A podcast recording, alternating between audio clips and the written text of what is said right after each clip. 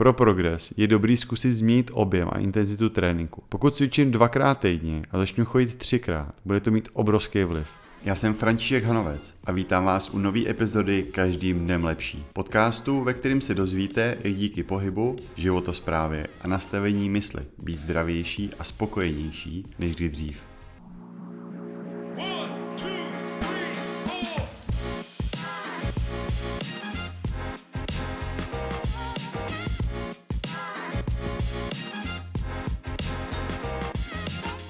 Tak začátek roku máme za sebou a věřím, že pořád máte ještě v hlavě svoje novoroční předsevzetí nebo možná spíš plány pro rok 2024. Minulý týden v pátek, a to mi přišlo hrozně vtipný, byl takzvaný Quitters Day, neboli Den slabý vůle.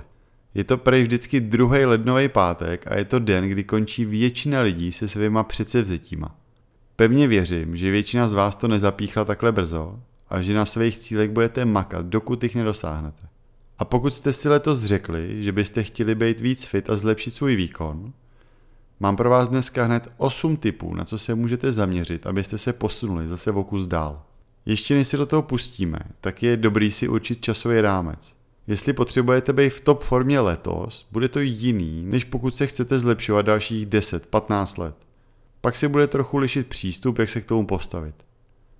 A zároveň ne všechny typy budou pro všechny z vás. Ať už kvůli tomu, že se vás to třeba netýká, no nebo proto, že to máte vyladěný úplně na maximum. Tak to vezmeme od toho za mě nejjednoduššího až po to komplikovanější.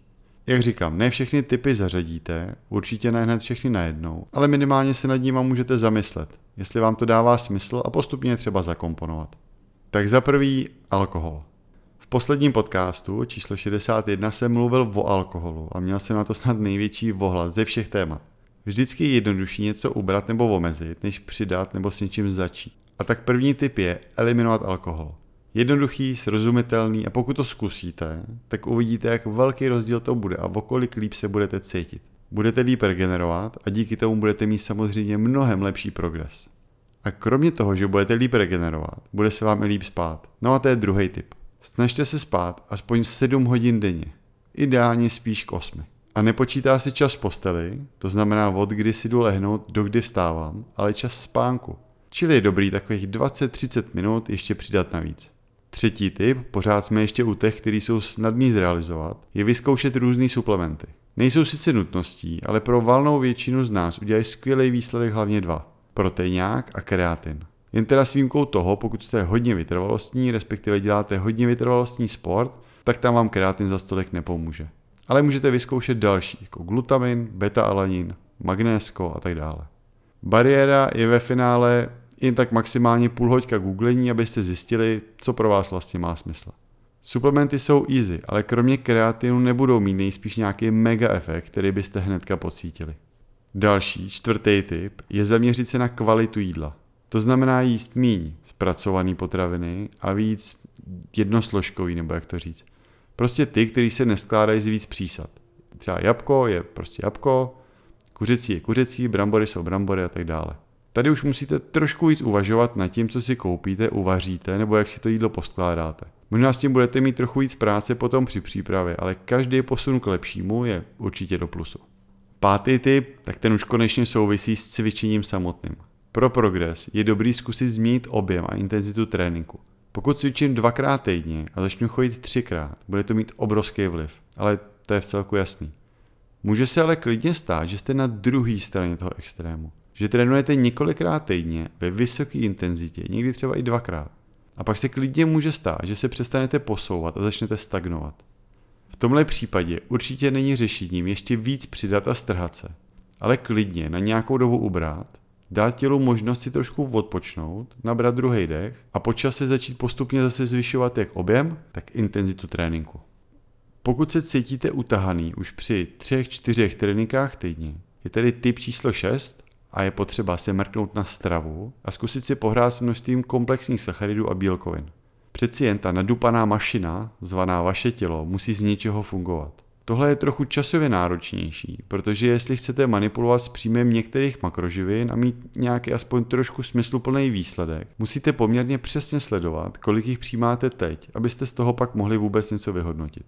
Pokud cvičíte silově, posilujete, děláte crossfit, můžete mířit klidně až na 1,6 až 2 gramy bílkovin na kilováhy denně. Co se týče sacharidů, tam se můžete dostat až na 5 až 7 gramů sacharidů na kilováhy denně. U sacharidů teda ale hodně záleží na tom, jak často a jak intenzivně trénujete. Předposlední tip je pro ty, co cvičí delší dobu a nějaký progres už mají za sebou. A přesně pro ty je to těžký, protože pro tohle je potřeba být pokorný. Čím dál jsme, tím je těžší a těžší udělat i malý inkrementální posun. A v tu chvíli někdy pomůže se vrátit zpátky k úplným základům. Trochu ubrat, zpomalit a znova se zaměřit na techniku. Soustředit se na to, jak pohyb dělám, jak dechám, v jakých jsem pozicích. A je jedno, jestli je o poslovnu, crossfit nebo třeba běhání. Díky tomu můžu i sám pro sebe odhalit třeba i malý prostor ke zlepšení. A pak je teda ale ještě druhá část, mít trpělivost.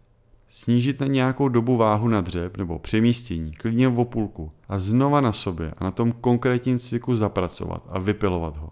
A potom znova začít budovat a přidávat váhu, ale už s novým vylepšeným provedením.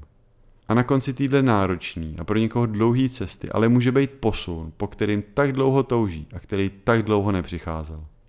A poslední je eliminovat veškerý ostatní stresory, kromě cvičení a tréninku. Na začátku jsem říkal, že ty typy půjdou od nejlehčího k nejnáročnějšímu a tohle je skoro až nemožný. Ale čím méně budete ve stresu, tím lepší prostředí pro své tělo vytvoříte.